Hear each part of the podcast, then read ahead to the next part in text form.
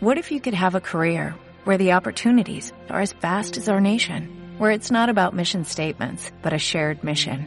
At U.S. Customs and Border Protection, we go beyond to protect more than borders, from ship to shore, air to ground, cities to local communities. CBP agents and officers are keeping people safe. Join U.S. Customs and Border Protection and go beyond for something far greater than yourself. Learn more at cbp.gov/careers. Eguerdiko ordu bata da.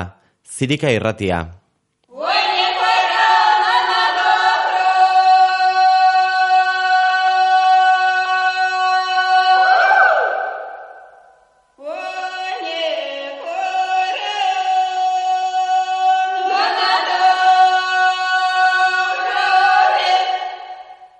Zirika irratian, asteko ta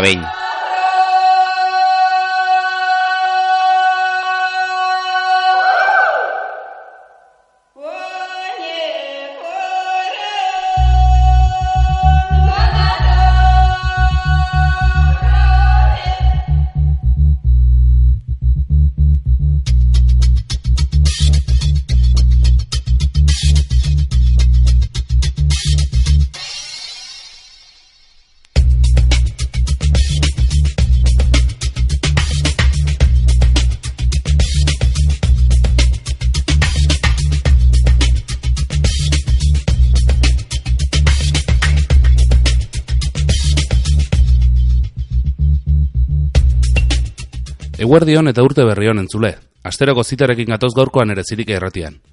Irrati edo internet bidez gure entzuten ari zaren horri, eskarrik asko beste urte batez zirike erratikoa asteko eta behin irratsaioarekin bat egiteagatik. Zirikako gaurko saioan astero bezala hainbat gairi buruz arituko gara. Gure egitekoa herriko notizia jaso eta zuei kontatza denez, aste osoan zehar gertatutakoek tokia izango dute gurean. Gustoko baduzue, elkarrekin pasako ditugu datozen minutuak. Hau, asteko eta bain irratsaioa da, eta idiazabalgo zirike irratiaren seinalea da entzuten ari zarena.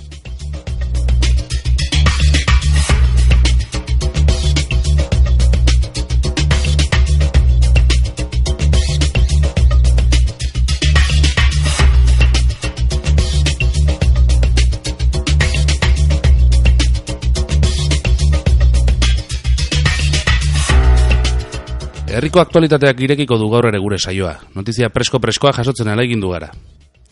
Kirolek ere beti dute tartea zirikako irratsaioan. Mikel Urreta aritu da albiste hauek biltzen.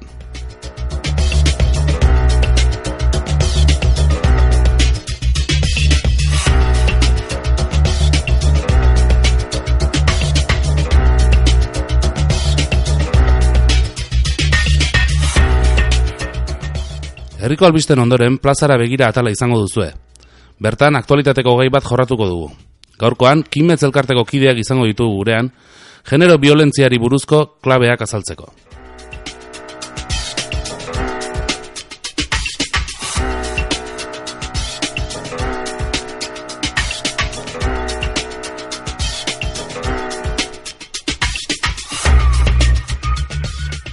Asteko eta behin irratsaioaren lehenengo atalarekin amaitzeko, astebururako planak ekarriko dizkizuegu agendaren tartean.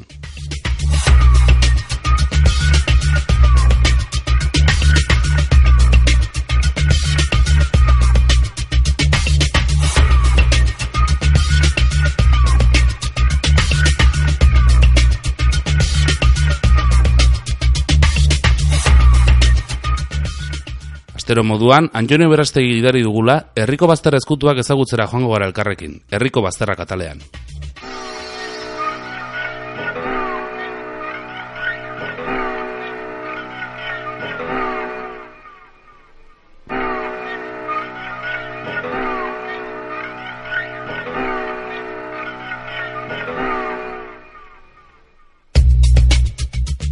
Gaurkoan ez dugu lehiaketarik izango. Bilboko manifestazioarekin bat eginez, gaurko saioa grabatutako izango baita.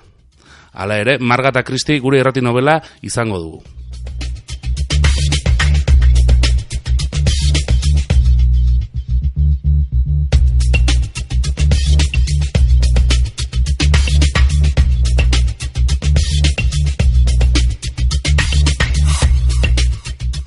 Zireke irratian dena pres dugu gorkoari ekiteko. Entzule, eseri lasai eta gozatu gorko saioaz. Aktualitateari errepaso egin aurretik, atzera begiratu dugun une batez, gaurko egunez gertatu zirenak gogoratzeko.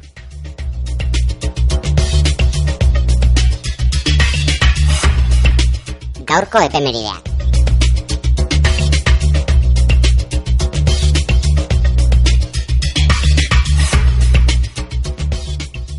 Mie bat ziren dalarrogeita emezortzik garren urtean, gaurko egunez, hauteskunde orokorrak ospatu ziren kuban. Mila bat ziren dalarrogeita bat zigarren urteko urtarriaren amaikan, polizia frantsesak Josu Ternera etakide atxilotu zuen. Mila bat ziren da berrogeita malaugarren urtean, gaurko egunez, Marokoren independentzi manifestua sinatu zen. Orain dela eroita mabi urte, gaurko egunez, Toronto General Hospitalean insulina eman zitzaion lehen aldiz gaixo bati.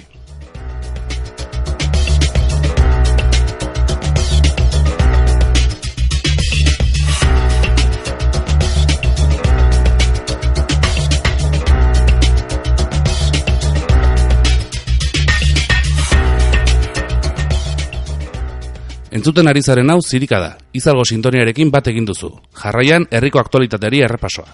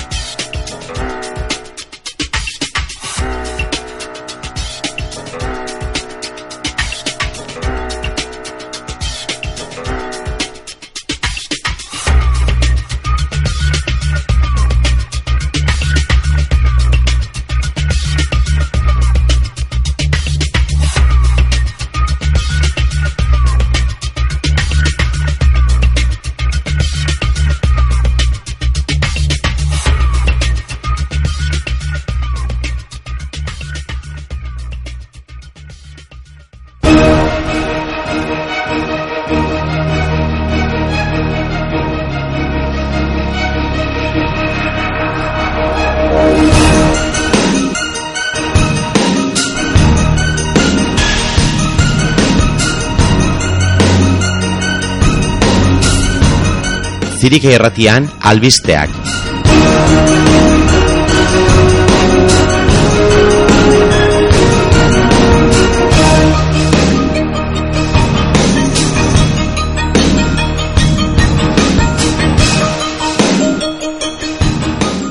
Datozen minutuetan, astero bezala, izaren albiste izan diren gertagarin errepaso egingo dugu. Aste honetan, albiste izan direna jasotzen aritu gara zirika erratiko erredakzioan. Jarraian, herriko albisteak zirika erratian. Gertu ditugun aurtengo San Blasen inguruan hasiko dugu horko saioa. Bilera baten berri ere emango dizu gaurkoan entzule. Iazalgo sortu eta ernaik eginiko deialdiari buruz hitz egingo dugu, eta azkenik, gaur biluan izango den manifestazioaren inguruan, amaituko dugu notizien txokoa. Hau izan da albisten aurrerapena. Jarraian, beraue kontatzari ekingo diogu. Zirik erratia da entzuten ari zarena.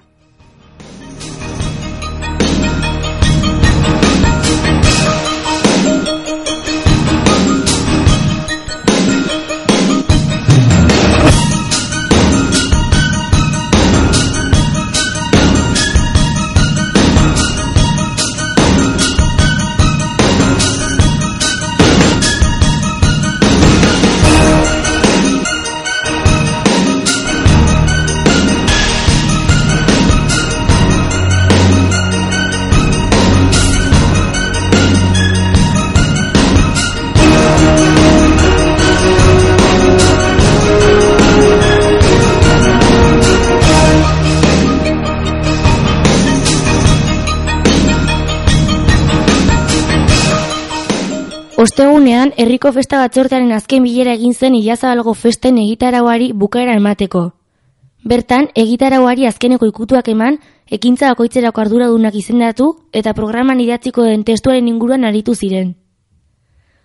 Aurten, festak bi asteburutan ospatuko dira, urtarriaren hogeita eta hogeita zeian, eta urtarriaren hogeita maikatik otxaiaren laura. Zirika irratiak jakin duenez, aurten izango diren kontzertuak Imuntzo eta Beloki eta Jose Luanaiak taldenak izango dira. Berrikuntza moduan aurten gizaproba izango da. Hau, herriko gazten eta zaldi baten arteko leia izango delarik. Azkenik, algo libre ekimenak, laranjaz jantzine ditu herriko festak, Jon Teieri herritarra eta beste auziperatuei, babesa dirazteko hauen kontrako epaiketa data horietan amaituko baita.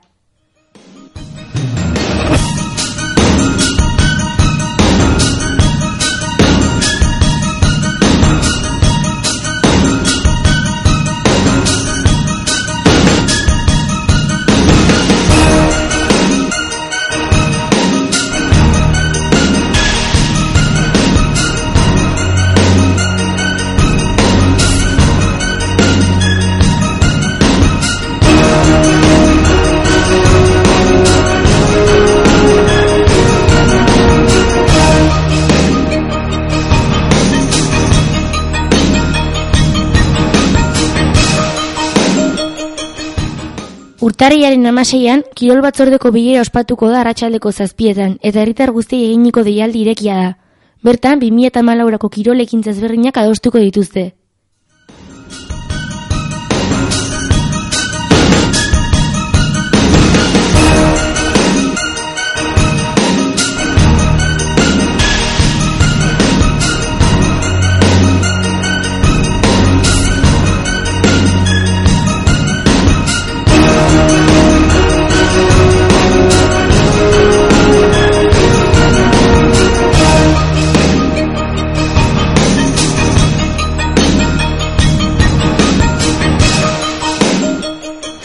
Ilaren batean, Xumerriko taberna liskarran ari ziren bi gizonezkori tabernatik kanpora ateratzeko eskatu zien bertako zerbitzari batek.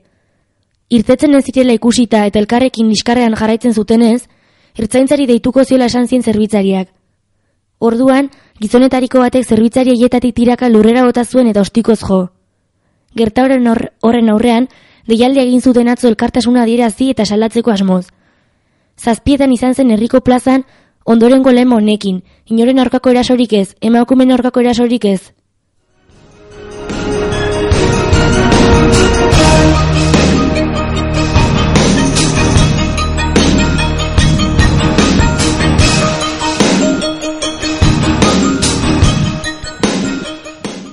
Gaur, eguerdiko iruretan irtengo da herriko plazatik, Bilbon, giza eskubideak konponbidea bakea, lemapean ospatuko den manifestaziora joateko autobusa.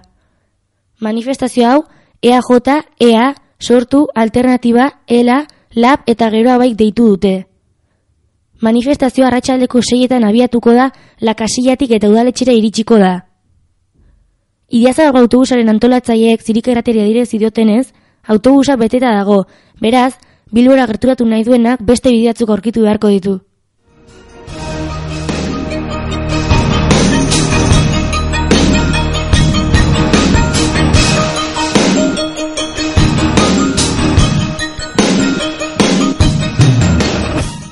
Jarraian, herriko kirolen albisteen berri emango digu Mikel Urretak.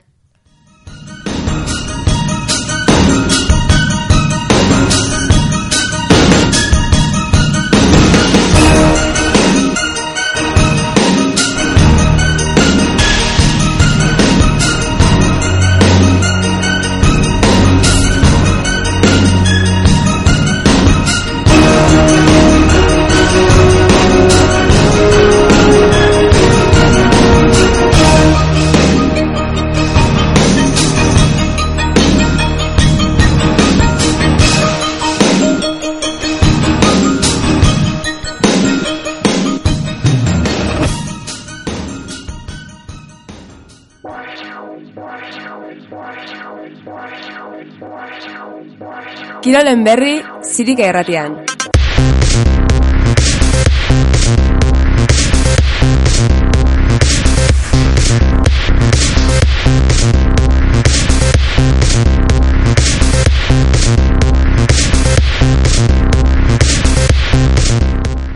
Eguerdion guztioi, hemen gara gaurkoan ere kilolen tartean. Saio hasiera emateko arizkorretara joango gara lenda bizi.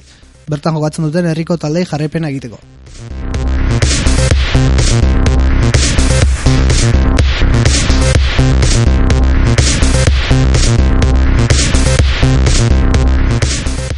Regionalen mailako mutiek amaitu dute igoera faserako sailkatze prozesua, eta multzoko lehen postoa lortuta gainera.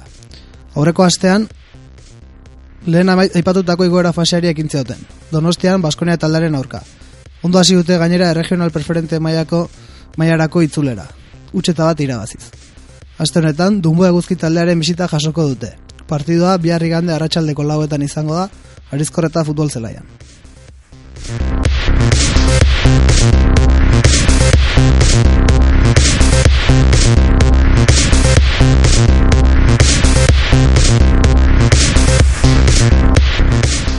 Juveni dagokienez, aurreko astean ez duten partidurik izan, eta hauek, regional mailako mutiak ez bezala, kopa jokatzeko selkatu dira.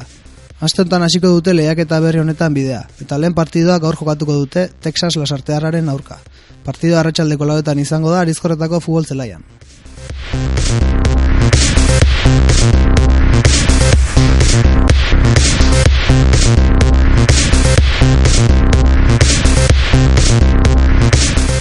Arizkorretatik, zelako kiroldegira joko dugu jarraian, areto futboleko talden denboraldeari erreparatzeko.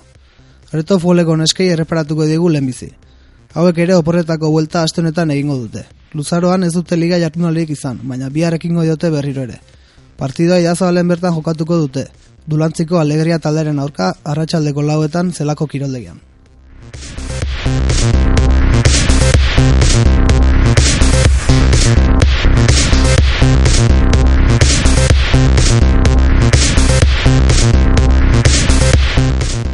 Mutiek ere idazolen izango dute 2008ko lehen partidua. Partidua atzo gauean jokatu zuten amarterrietan hain zuzen ere. Partidu honen berri datorren asteko eta bain irratsaioan izango duzue.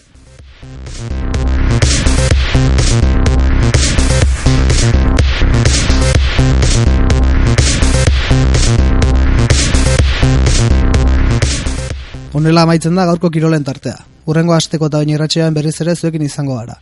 Jarraian, plazara begira jarriko gara zirika irratean.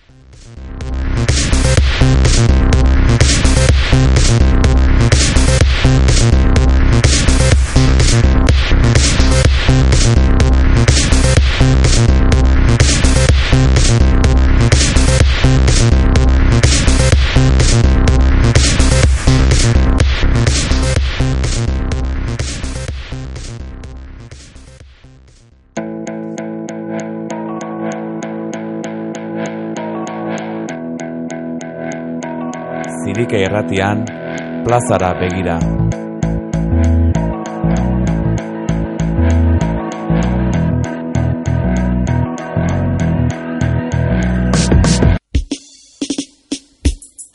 Now some man are going like woman they have for one thing alone. But woman is more than skin, flesh and bone. So all sensible girls have fear piece this. Hear this. She's more than a sex machine. The woman is a human being. She's more than a sex machine. The woman is a human being. All of them no want a full, full girl. Herrian izan den emakumen aurkako eraso bat dela eta atzo konzentrazio egin zen herriko plazan. Herritar asko eta herritarrak etzirenak ere bildu ginen bertan, eta horren arira, gaurkoan Belen Balerdi ekarri dugu gurera hitz egitera. Belen, kimetz emakumen elkarteko kidea da, ordiziako elkarte bat, emakumen eskubiden alde, borrokatzen ari den elkarte bat.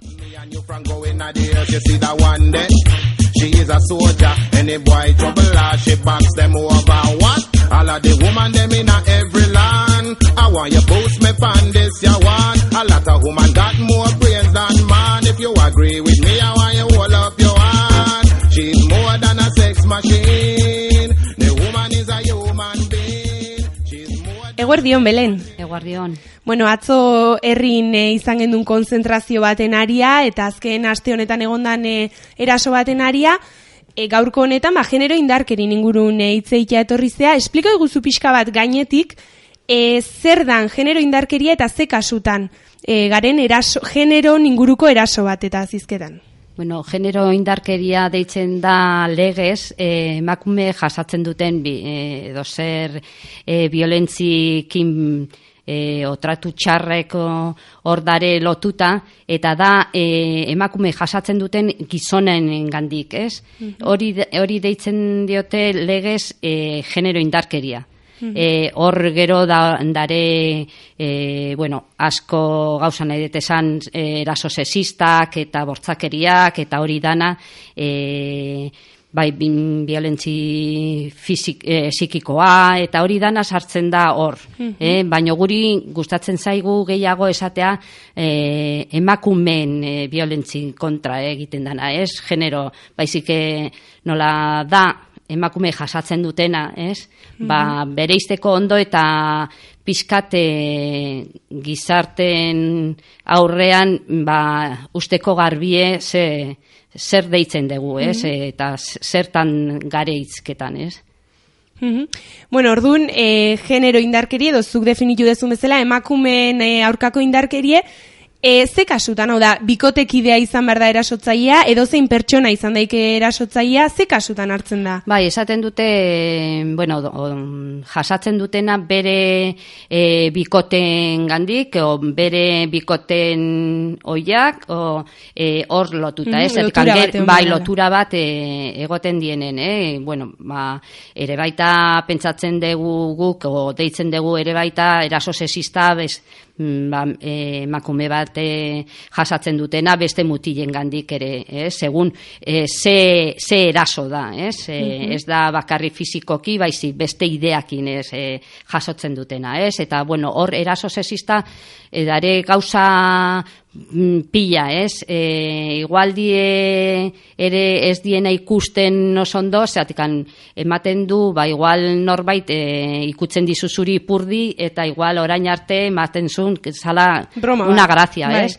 Baino hori dana sartzen da hor, Mhm. o, o, o musu bat ez baldin badezu nahi eman, ez? Eta hori dana sartzen da eraso bezala, ez? Zeatik da beti e, jasotzea gauz bat zuk ez desuna nahi em- e, egitea, ez? Mhm. Hor guk sartuko gendun dana hor, ez? E, eraso sexista, ez? E, Mhm. Ez dakit hori guk hola ikusten dugu, ez? E, aize esaten hori zuen ikuspuntutik, ba, bai eraso sexistak, bai emakumen aurkako indarkerie, legek nola hartzen ditu eraso sexistak adibidez edo edo mota honetako indarkerik? Bere, lege, ze, lege aldetik eh, dana nahiko definituta dau. Ez, gero da, eh, horren aurren, ze erantzuna jasotzen dezuzuk, ez, juten zeanen eh, salatzea, eh, Mhm. ze nola tratatzen dizue, o nola eh, batzutan ba igual ez du ematen eh, garrantzitzu eh, zuke ematen naizeana, o, ez, mm, tratu txarra ja desberdine, eh, desberdine da, ez, eh, eraso baino e, garbiago iguali eh, dagolako o ikusten dulako, e, bueno, hor dauke ja mm, prozedimento bat o protokolo bat, eta ordun e, legez mm, beti bai, e, e, dana egoten da jasota, baino gero da erantzuna, ez? E, jasotzen deguna, e, igual ez da guk pentsatzen deguna jaso behar deguna, ez? Mhm. Eta mm, nahi dut esan e, berdintasunakin eta dana legez ondo, ondo dare.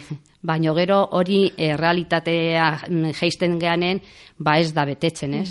Ba, bai, askotan eraso fisiko bat igual Bai. erreixa da frogatzea, baino beste motatako erasok ez Bai, gaina ondo juten zeanen igual salatzea, eh, egon behar da oso, klaro, zeatekan, segun ze nola zaren, zu ze eh, eraso jaso desun, ba ez baldin ba ikusten oso garbie hola izan da, ba gelditzen die kasu batzu eh, juten zeanen epaien aurrean, ba igual, como caso sobreseído, ez, e, o deitzen diote bi, bi, biei, eta segun nola e, ateatzen da hor gauzak, ba, e, lo mejor es, esaten dizue igual, pues, e, aiatzea akordio batea, ez? Mhm. Eta hola, eta claro. Bai, horre askotan ez da espero dezun bai, ez, ez, ez, ez.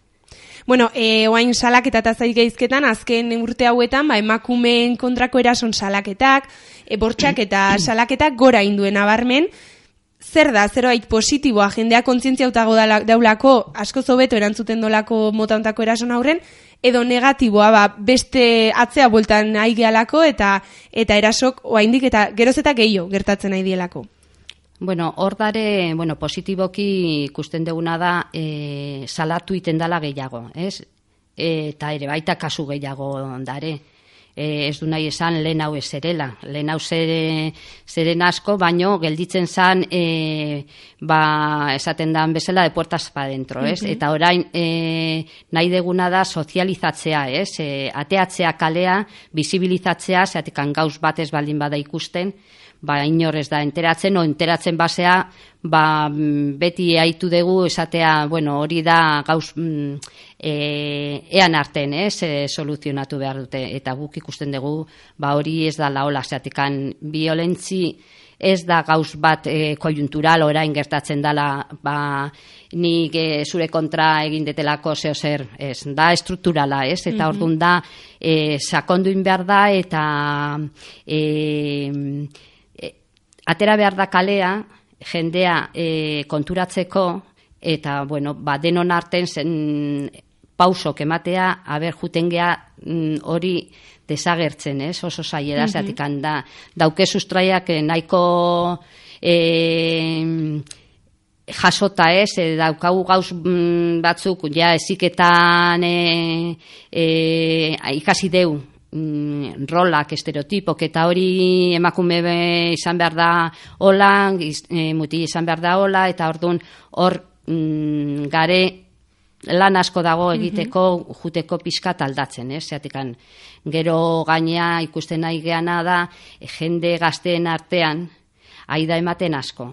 Ez, e, zatikan, e, violentziko o genero mm, e, indarkeria dagor, ez ustai dauke el, el kontrol, ez, e, e, menperatzea eta hori dana, ez, eta orain, e, adibidez, e, las nuevas tecnologías ere, e, sistem, ba, ematen nahi da asko kontrola, ez? Mutile neskai kontrolatzen dute pila. Eta e, okerrena da, e, neskak asko ikusten dutela hori gauz normal bezera, ez? Eta orduan, ba... E, bueno, zuk aipau dituzu, e, boterea, Ai. rolak, zuen lana zer da, e, emakume elkarte bezala, zuen lana e, ze izango litzeke, ba, indarkeri kaso hauen sustrai eta iritsi hori herri plazarau, eta norbanako bezala erantzun ba lortzea, Bai. ezta?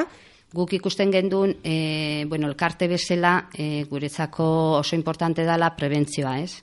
Orduan, jarri behar deu pausuk, ez, jute, e, ba, hori ez, dedar, e, ez, gertatzen, ez, ez gertatzeko, ez? Orduan, e, guk ikusten gendun, e, elkarte bezala faltatzen zitzaigula formazioa.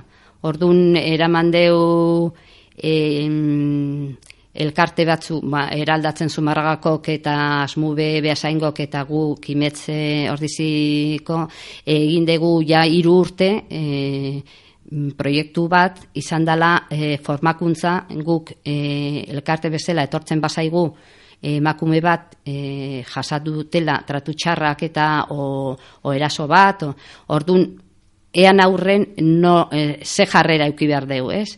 Eta hori ari egon gea ikasten, eta, bueno, bateatzen e, protokolo bat, e, elkarten barrun e, ibiltzeko, eta, bueno, ba, enkuestako nola egin behar da, nola guk ikusten dugu, ba, elkarten e, funtzioa dala, ba, e, arrera ematea, e, el, laguntzea berarekin, e, akompainamiento esaten dana ere baita, eta gero garbi daukagu guk e, mm, garela gizarte honetan adibidez kasu honekin e, e, egiten dugu zubi bezala, ez? Elkarteak eta gero instituziok e, mm, bere Lotura lana lotura, lotura bat, ez? Zatekan igual emakume batzuk etorri deikete gure gana, baino gu garbi euki behar guk e, gauz batzuk, guk informazio zabaldu eta hori bai, baino gero ja deribatzen dugu guk e, gizarte zerbitzuari e, eak han jasotzeko ze gauzak egin daikete eta hori. Da gaia oso oso zaile zatkan e, asko hitz egite oi, aitzen dugu, ez, pues, e, salatu behar da eta e, nola egon daike hainbeste denbora tratu txarra jasotzen eta hori baino mm, hiru urtetatik e, ikusi hiru urte hauetan ikusi deu ba gaia ez dala erresa e, erresa hitz egiten deu baino kontutan eduki behar deu ze egoeran e, aurkitzen die emakumekoiek laguntza e, asko behar dute. Eta gero e, utzi behar dala be, beak izan behar da e, atera behar dala hortik ez? Mundu horretatik. Eta bean nahi e, guk ezin dugu obligau e, zat, ateatzea hortik, ez? Zatikan hori errespeto guzti. Bakoitzen erabaki, eh, eta bai, noski. Bueno, zuk eh, aipau dezu, ez, eh, olako egoera txarren egondien eh, emakumen aurren, nola reakzionau, ba, protokolo baten lanketa indezuela, eh, talde bezala, elkarte bezala, launtza eh, ematen diezue pertsona hauei, eta nola eh, ze gomendio emango zenioke, edo zuen protokolo, edo zuen esperientzia honetatik, ze gomendio atera dituzue, ba bai erasok jasan dituzten emakume horientzat, eta baita eraso bat ikusi don pertsona batentzat. Hombre, guk garbie e, daukagu orain, e, guk e, etortzen bada guregana e, norbait, e, ba, lehenengo da, e, berarekin egotea, aitzea, bea mm, e, garbie euki, e, eduki behar deu noraino e, sartu behar guk, ze laguntza eman behar dugu guk, behari garbie euki eta galdetu ze espero du gure elkartetik, ze espero du jasotzea, zatik bestela igual konfunditu iten dugu, ez? E, eta bea igual etortzen da bakarri ba, e, kontatzea, kontatzea eta egun bat bai eta besteare baita eta hori eta hola ez dugu laguntzen behari, ez? Ordun oso garbi euki behar deu e, puntu hoiek, ez? Ba, da, ba, la eskutsa aktiba esaten dana, bestea da empatia jartzea bere, bere paperan, ez? Bere zapatan, ez? Eta gero bideratzea, ez? E, eta mm, ateak beti irikita eukitzea, nor, mm, ba, bea etortzen, etor dedila, bea ikusten dunen, e, beharra daukela, ez? Eta norbaitekin, ba, bueno, badaki garela gukan, ez? Mhm. Bueno, e, beraz atek zabali gehitzen die, ezta? E, zuen gana juteko laguntza behar duen e, dozein pertsonak. E, atzoko konzentrazioan ikusi gendun, erantzun oso positiboa daula. Eta, bueno, ba, espero lanen seitzea luzaron tamalez, baino lanen seitzea, ba, olako emakumei launtzeko. Eta mi esker, gaurko Vale, gure negoteatik. Vale, eskarkasko. Agur.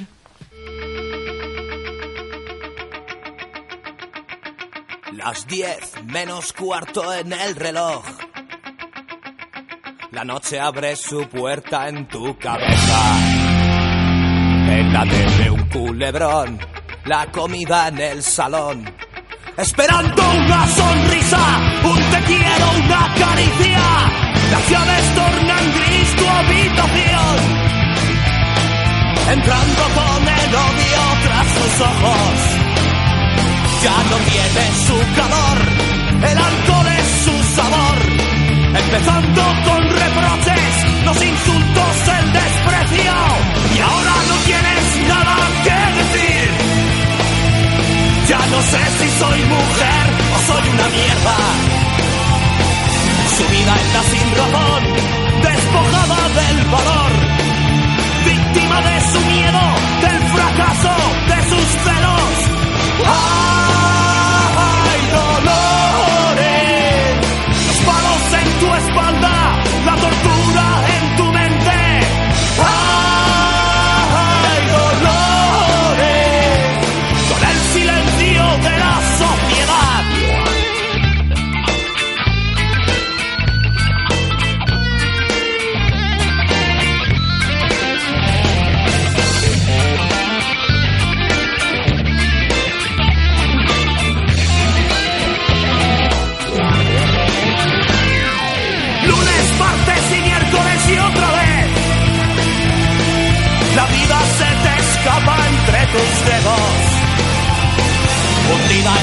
sé yo, destrozada en el sillón.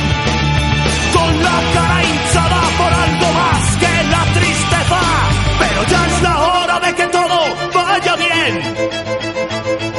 Volar sin alas, sentir que ya eres libre.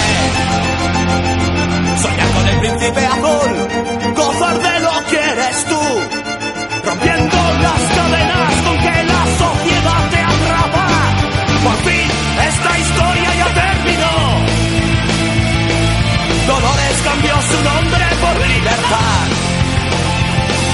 escapando del cabrón que tu vida destrozó. Porque la vida es solo un cuento que hay que vivir en el momento.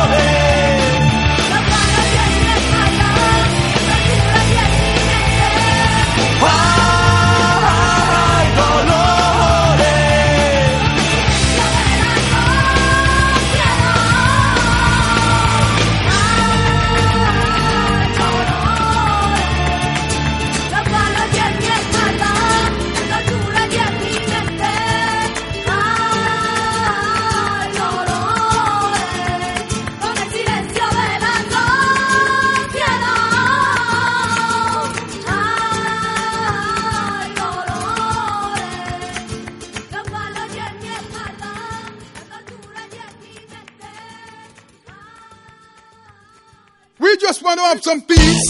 We don't want war. I think some of these leaders should be behind bar. All of us fighting. I want the next star. Zirika irratiko agenda.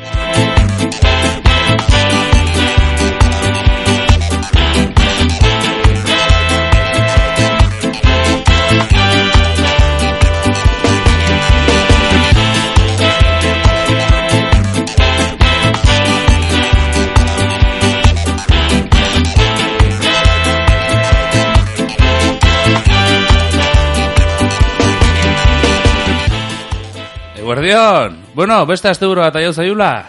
Bai, urte berriko lehen zirika daun astebur, astebuka erea gaina. Bueno, baina asteburu hontan ez zeo zein beharko diagua. Gabona pasa berri die, baina ez ingetuko beha etxen. Etzik abaz esan. A ber, zein zeik hau? Ba, irratxa jaukautako mokau batein da bilba juntzik hau. Baina ze atletiken partio ikustea, ke buena! Ez, mote, gaur manifazio Bilbon, atxaldeko seietan kasiatik abiatuta. Bueno, orduan atxaldaia kompleta du hau, baina beste zerriteko ere demora izango diagua. Be bilua junda, zinea jute ere, bazeuke, hau? A ber, teles, hartu periodikoa eta behitu karteleran ze pelikula duzken. Mm, a ver, buah, buah, pelikulon. Lluvia de almóndigas, dos bo, ikusi zeikik. Zer ez, gukin gehatu nahien, beste ez zeongo ba. Utzien nahi periodikoa. A ber, obede hau Frozen el reino del hielo ikusi. Pss, bale, ba, zuek hori, baina nik ne dudaz eusket, eh? Ta eune borobiltzeko Bilbon kontzertun bat egongo ba. Bai, guain esaten dikela, hemen jartzen dik, abirroa den kontzertu daula. Buah, oer, Ordu nola gehitzen zagu plana? Bazkalosten Bilbao manifa, iruetan autobusen. Bueno, gero zinea eta pelikula nik elegitzaiat. Ta ondo honen mokau batein da abe irroduen kontzertu ikustea kafe antzokia. Hor dauk ez maien gainen gue plana. Zueke bakiz, eh? Aste buru aprobetxau. Ondo izan. Aio!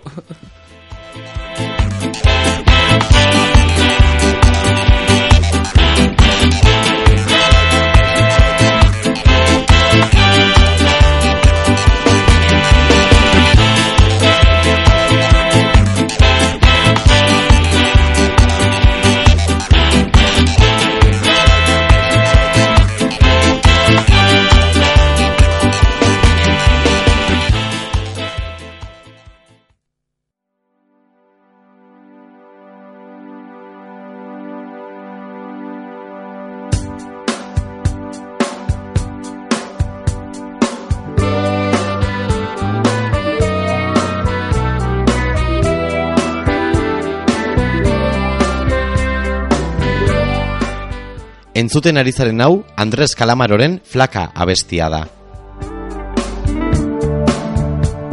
Flaca, no me claves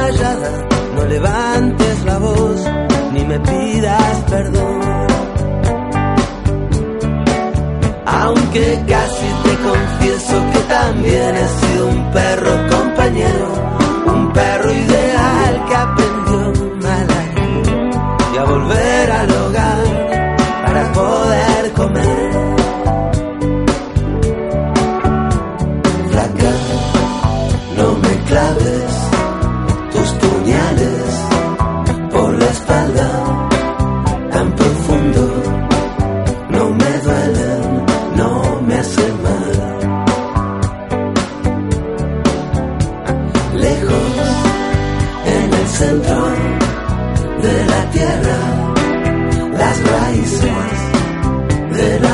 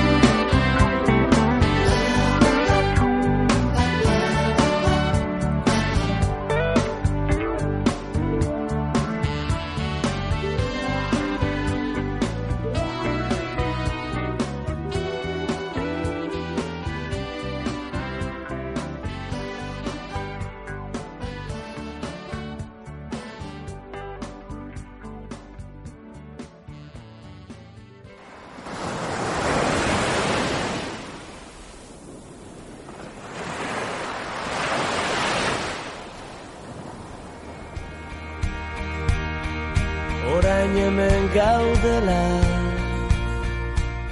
Tantaz tanta itxasoa gara. Urtarriaren amaikan Bilbon. Giza eskubideak, irtenbidea, bakea. Euskal presoak, Euskal Herrira.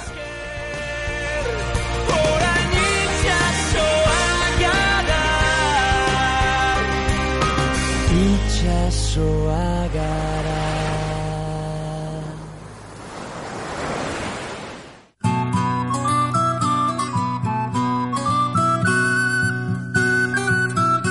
Herriko bazterrak zirika irratian.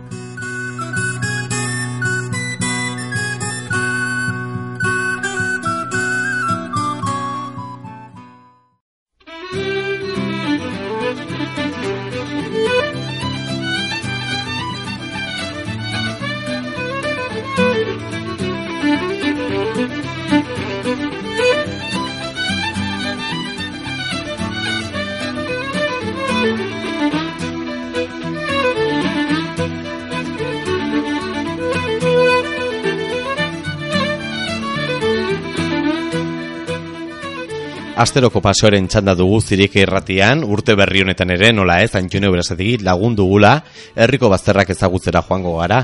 Eguerdion, Antonio. Eguerdion. Bueno, Antonio, aurtene, egin beharko deu ba herriko buelta hori, gure bazterra geixogo ezagutzeko. Azkeneko saio hartan, akordatzen naiz, e, nola ibili ginen etxegarate inguru hortan, e, kamino bazterren zion etxe bati buruz izketan ez da?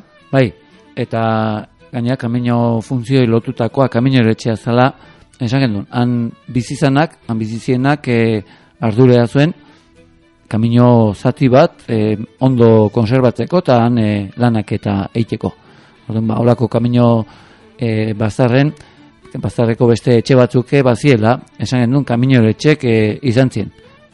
Hortaz, aurreko saion kaminero etxe bati buruz izketan haitu ginen, eta gaur Eta operatuan hau beste bati buruz izango dugu. Bai, esan gendun gehi haure izan ziela, eta orduan horitatik e, ezaunena izan zana, eabiliko dugu gaur e, izketa gai. Bueno, Antonio, eta nuntze hon ba, nun dau ba, etxe hori? Kaminero etxe hau, alaxe zan ezaunek, kaminero etxea besteipe, eta gaurko unen egoen di, ba, ezautu zon jendek e, gogon izango do, kamino baztarren zeon, gutxi gora bera, goiburu paren e, gora xeo. Lehen hor zubi bazan kaminon, oin autobia bihurtu zuenen, zubi hori tapauta gelditu zen, eta hor daun e, errekazuloa, baliara txiki hori, pasatzeko, ba, ez da hoia zubik, baina hortzan, e, oindala ez urte asko arte, horre hontzan zubi, kaminore etxeko zubi esaten zikon, eta horren ondon, kaminon ondon beste alden, hortzan kaminero etxea. Hau da, orduan, e, esan bezala, goiburu baino gora xeo, aldapa hundi xamarra daun tarte baten, ursuango kruze zaharra baino onutzau, bi e, leku hori harten, hortzan kaminero etxea. Bueno, Antonio, eta etxe hau noizkoa da? Etxe honi buruzko datuk, mila behatzion da hogeita bostetik, behintzet, ia seguro die. Behar ba, mila behatzion da ama bostene, azaltzen dan, e, aipamen bat, izan daike horrena.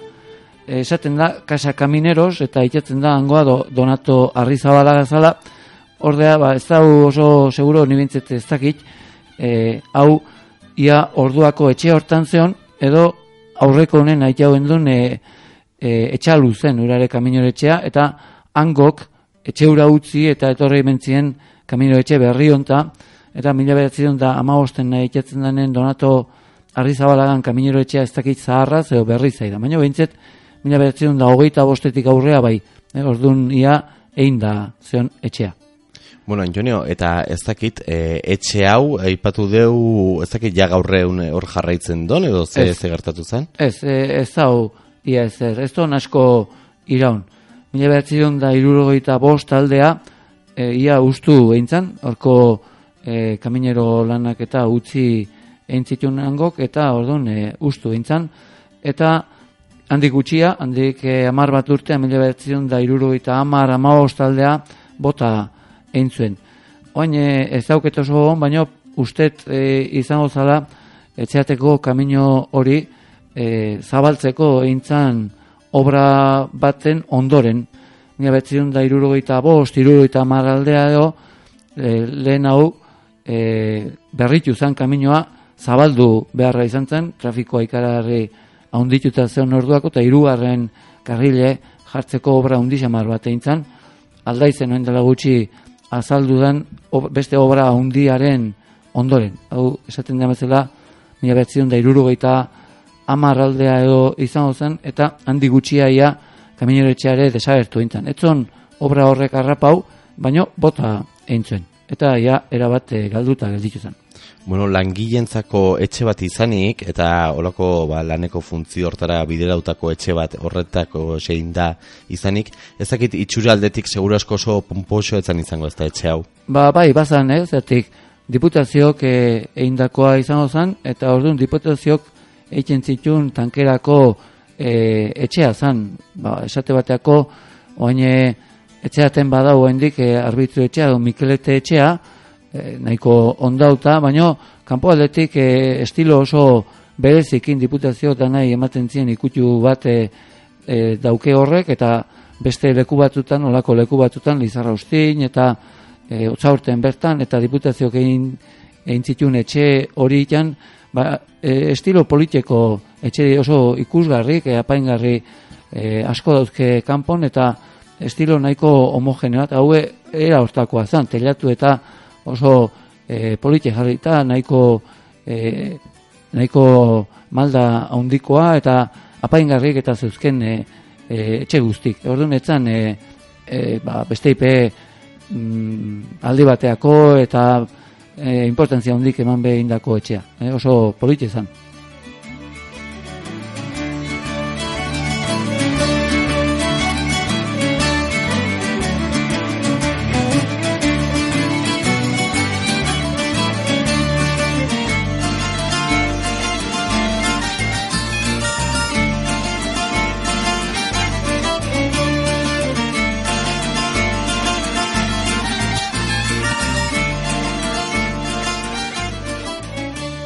Bueno, Antonio, kaminero etxei buruz izketan nahi gea, ofizio baten izena da, dauke etxe horrek eh, bere izenen, ez dakit beste izenen batekin ezagutu izan dan eh, etxe hau bea, edo beti kaminero etxe bezala ezagutu izan dan. Bai, e, nik e, uste ez dala dokumentauta ez da behin eh, azaltzen beste izenik, eta eabilide nik uste ez dala eabiltzen beste izenik. Hola, xe, kaminero etxea, e, lekuaren aitamenik eta hainbe. Lekura berez urdankuz da edo e, da, edo aran handire esaten die inguru harri, baino ez dut uste hau e, eabil izan denik etxea izendatzeko.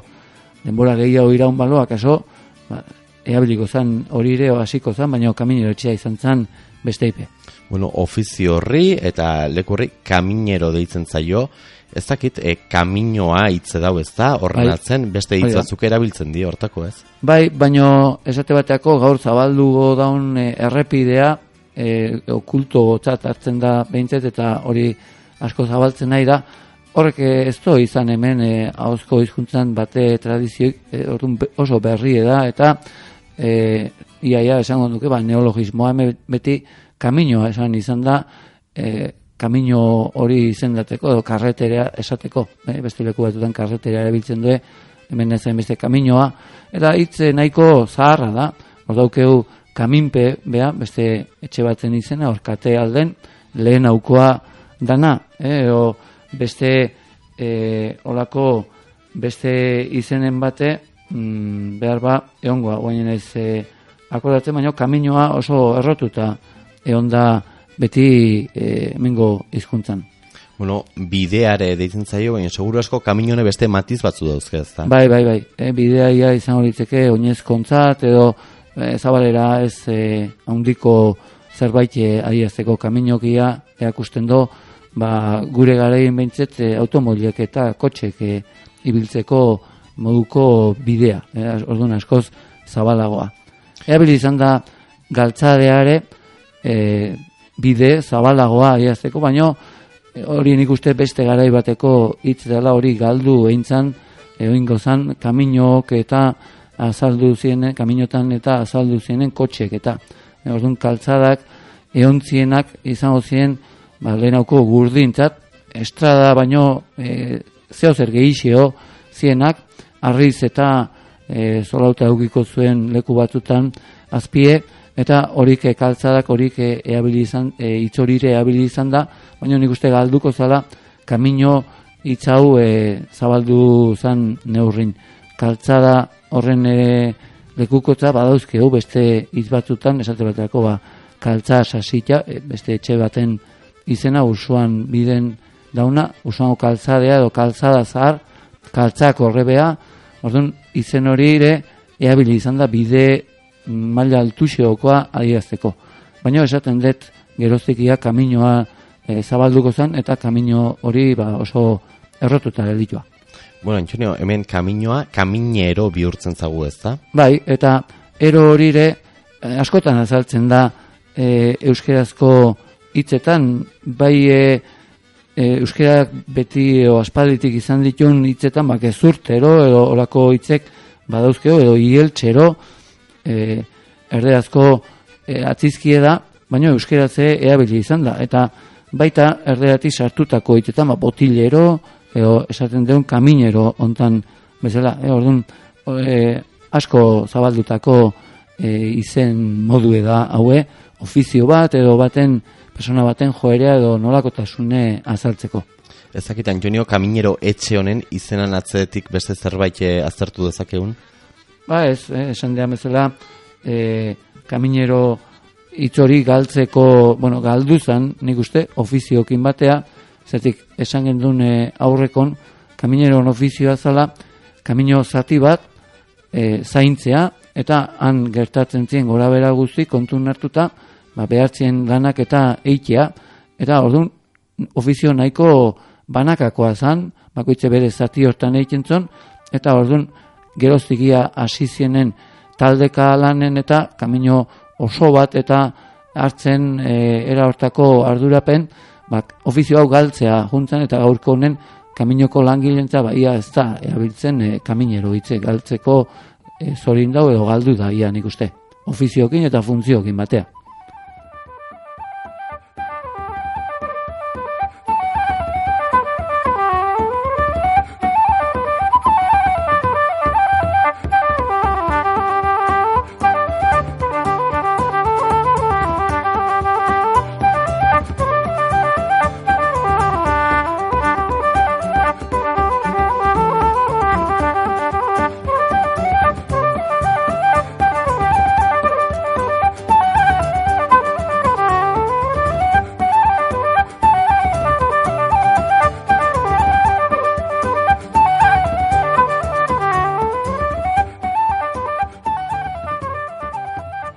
Antoni, ondo iruditzen baldin bazazu, kaminero etxea alde batea utzi, eta igual ofizio hortan bertan zentratuko ga, ez? Ja, Bai. erdiazuta daun izen hortan, kaminero funtzio horitan.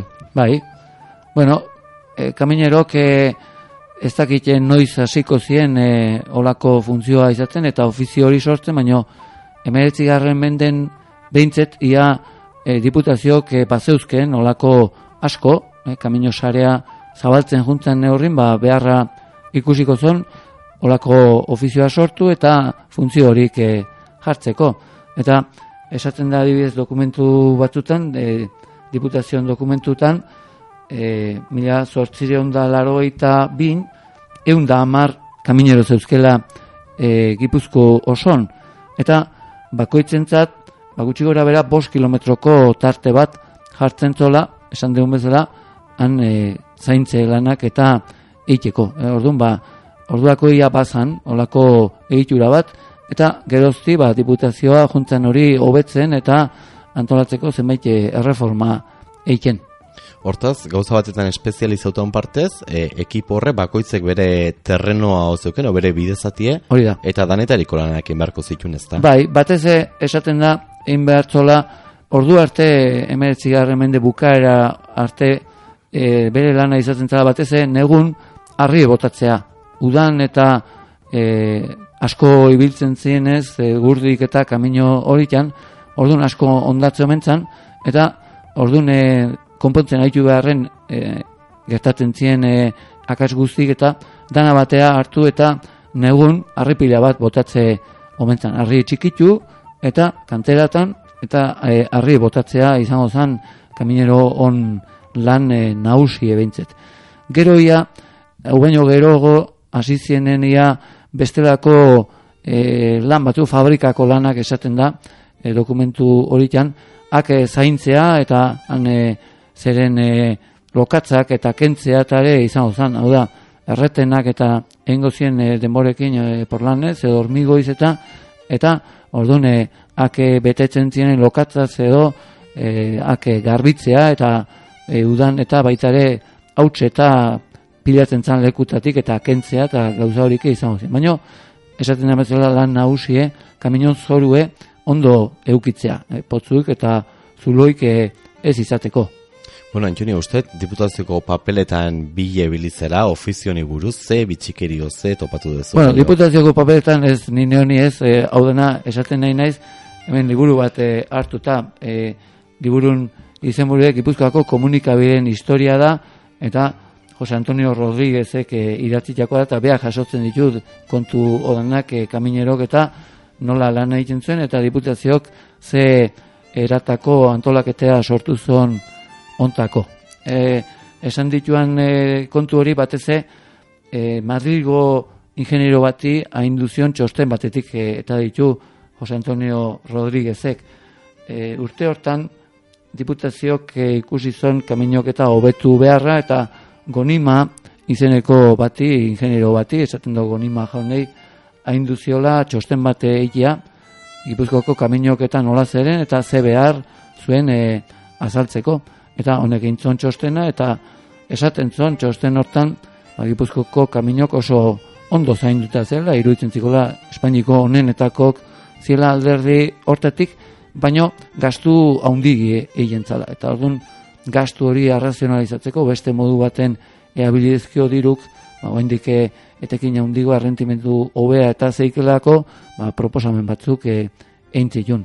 Eta orduan horitatik e, abituta, Jose Antonio Rodríguezek kontatzen do, ba, nola beste gauza askon arten, errepidek edo kaminok nola eintzien eta zein eintzien eta hori dana kontatzen do, baina baita kamineron lana eta ere nola antola zen. Hortaz pentsa barko deu, Gipuzkoako errepidesaren gastu elebatu hori ez dela gaurko kontu bakarrik? Ez, hori seguro ez, ba, beti izango ziren e, olako olaberak. Orduan, e, honek egindako txostena diputazioko e, langilei o hango ardura dune ziten asko gustau eta kontra txosten bate plantea zen, baina ematen do diputazioko e, kaso entziela honi, eta e, aplikau ziela beak e, proposautako neurrik eta esaten do orduan liburun urrengo urtetan gastue gutxitzea lortu zuela. Esaten da honek planteamentu berri bat egin kamino zaintzei buruz. Lehen esan dut, ordu arte kamineron lan nagusi izaten zela harri botatzea. Eta honek esaten do harri inflazioa zeola. Eta gehiagi botatzen zela. Esaten do, antzeko egiturea eta antzeko klimea, antzeko lur aldapak eta lurrek eta dauzken lekuta baino amar zentimetro lodigo ziela hemen botatzen zien e, harri kapa horik.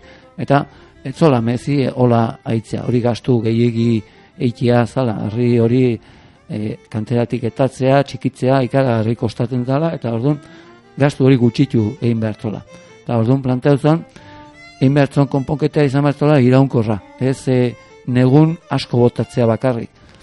Alderantziz e, momentu bakoitzen ikusten zien zulok altzan azkarrena bete. Eta era hortako mantenimentue egin eta harinagoa izan da harri gastu gutxigo eskauko lokela eta momentuero egongo lerekela kaminok askoz eabilgarrigo eta hobeto. Eta hori e, onartu eintzon diputazioko esan dituan beste funtzionariok eta beste gauza bat e, esan bat zuen diputaziok hori onartu eintzon nunbait eta handik aurrea planteamentu hori izan zen. Sarrigo konpontu kaminok, e, beharra sentitzen zan momentun, eta era horta, harri e, gaztue gutxitu.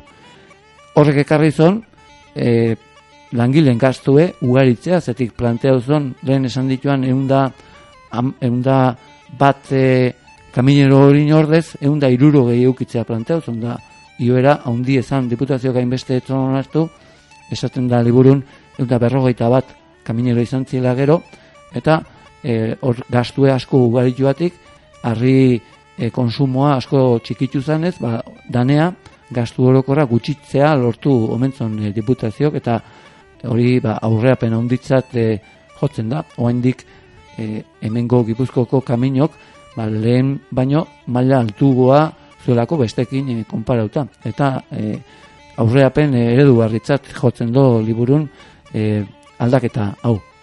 Bueno, hortaz filosofia aldaketa bat ontzan, kaminero gehiago jarri, ezakit kaminero horik gaina diputazioko langileak izan da, funtzionariok izango zien, bai. ezakit formazio berezin bat, eskatze hotze zitzaien, edo eozin sartze hotze zain gara hortan. Ez da olako ez esaten, baina bueno, eskulana izango zen, eta ez dut uste e, aparteko e, kondiziok e, beharko zuen, e, ez da hortaz hitz egiten.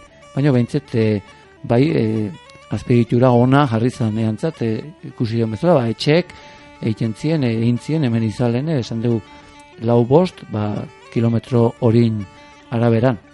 Bueno, Antonio, ezakit kaminero buruz beste zerbait daukun kontatzen. Bueno, behar ba, ez dugu esan, hau baino lehen hau, esan behar genduna, hau dana diputazio gehiten zon, garai hartan, oaindike, e, foru kendu ondoren, ba, diru sarrera handik e, zitulako, zergak beak kobratzen zitulako, oaingo sisteman antzeko bat zeon, edo, oeto esan da, lehengo sistemea kopiauta da guain nolabait, e, ekonomik konzertuna, diputazio zerga kobratzen zituen, eta horrek ematen zion, ba, finantza aldetik e, autonomia handi marra eta beak e, gauzak erabakitzeko almena, ordune, ba, ikusten da, diru gora beratan, e, bakontuz e, ibili behartzela eta gutxitzen aleintzen zela, baina bazeuken dirue eta horri esker antolauzon sistema hau dana.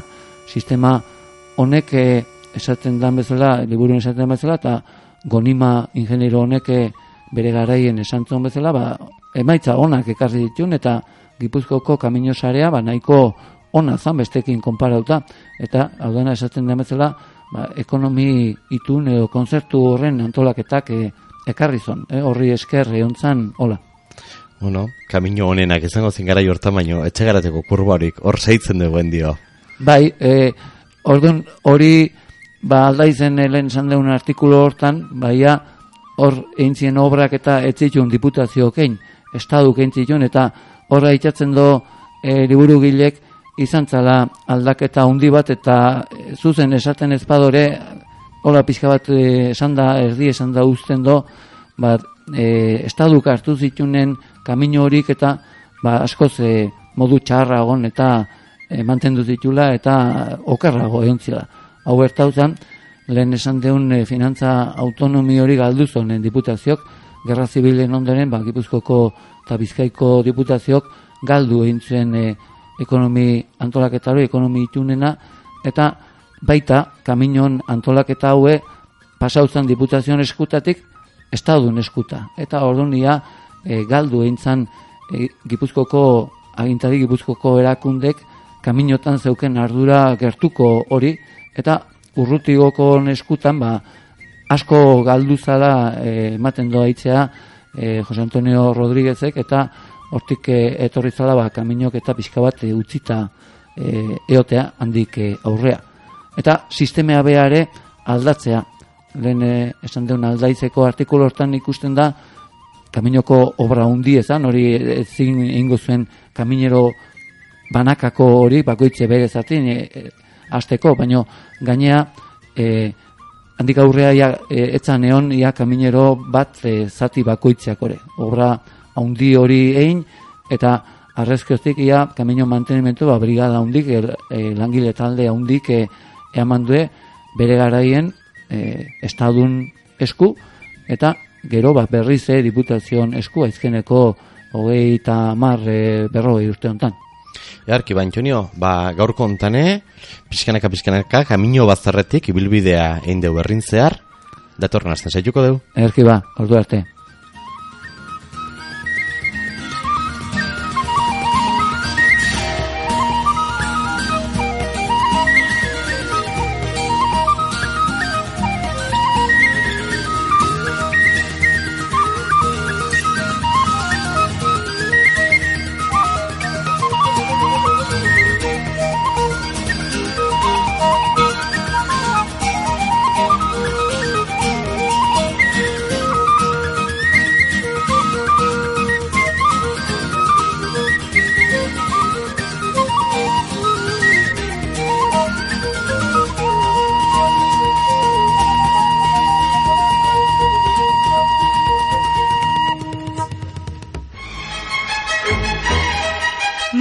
Christie. Inspectoras a domicilio.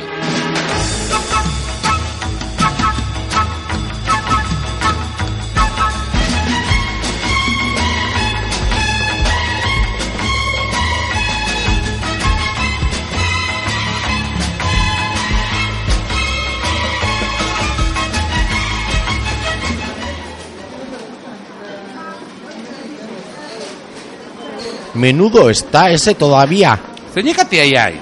El rey, pues.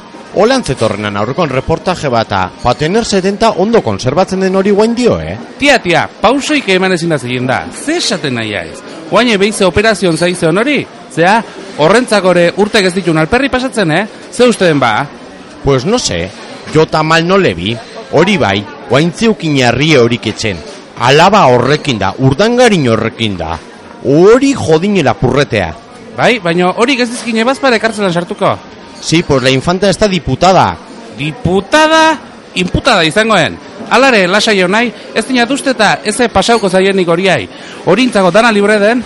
No sé, chica. Desde luego, hori que errege izango itun baino, una divorciada, que no si, que esa la mayor, que no sé ni si es medio normal. Bestea zea, lapurretan arrapauta, ta bestea casau con una divorciada. Bai, ta la Corina? Otra. Igarti buru hori de, ez altzinen erregekin ibili? Eo zin gauza horik. Horire izangoen bakarren bat. Hor, telebizioen espainolan. Zeozekat izan hori?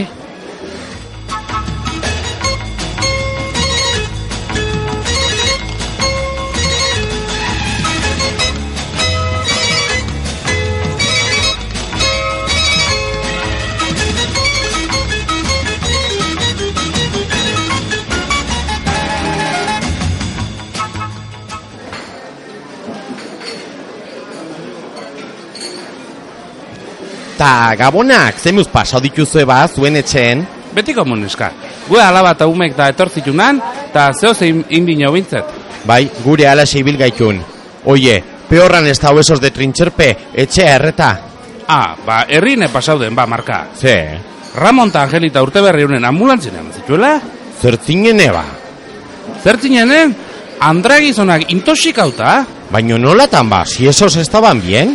Usteltzen hasitako langostino batzuk jan, gizona etzeola, eta ondo ta ura oia zijola, eta geho bea jarri omen zinean pixkaten telebizio behi da, oia egun horretik, eta arire ondo ez zain, eta botaka, eta goiti, eta beti dario lazala, eta...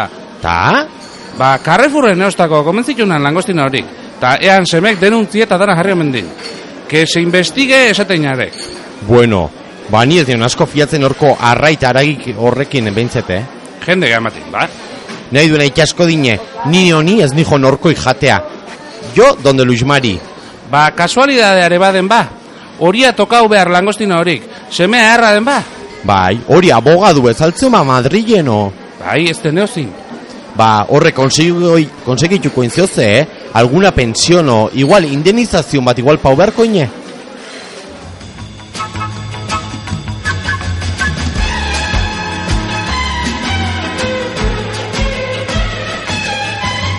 Urrengo atalean.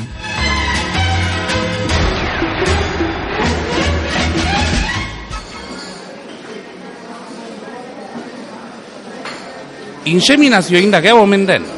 Si esa es joven? Ba, ez zeina, ba. Ezingo zeina numeik euki, o... Bai, gizon horrek etzenia nik hortako ere fundamentu ikote dauken. Ja, ja, ja, que cosas dices.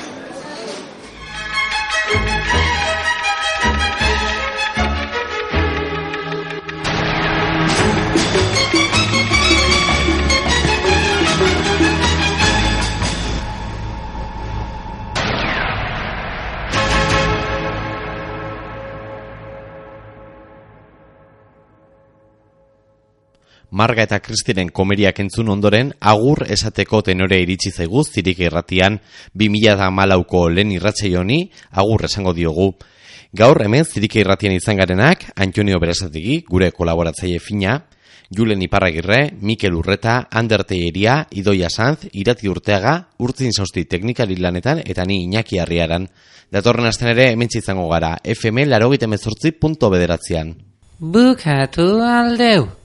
Uh, Agur. Om tare tu tare dure mama je boninyana buntin kuruso Om tare tu tare dure mama je boninyana buntin kuruso Om tare tu tare dure mama je boninyana buntin kuruso Om tare tu tare dure mama je boninyana buntin kuruso Om tare Hau izan da guztia gaurkoz. Datorren astera arte. Zirika irratia. tare tu tare dure mama je boninyana buntin kuruso Om tare tu tare dure mama je boninyana buntin kuruso Om tare tu tare dure mama je boninyana buntin kuruso Om tare tu tare dure mama je boninyana buntin kuruso Om tare tu tare dure mama je boninyana buntin kuruso Om tare tu tare dure mama je boninyana buntin kuruso Om tare tu tare dure mama je boninyana buntin kuruso Om tare tu tare dure mama je boninyana buntin kuruso Om tare tu tare dure mama je boninyana buntin kuruso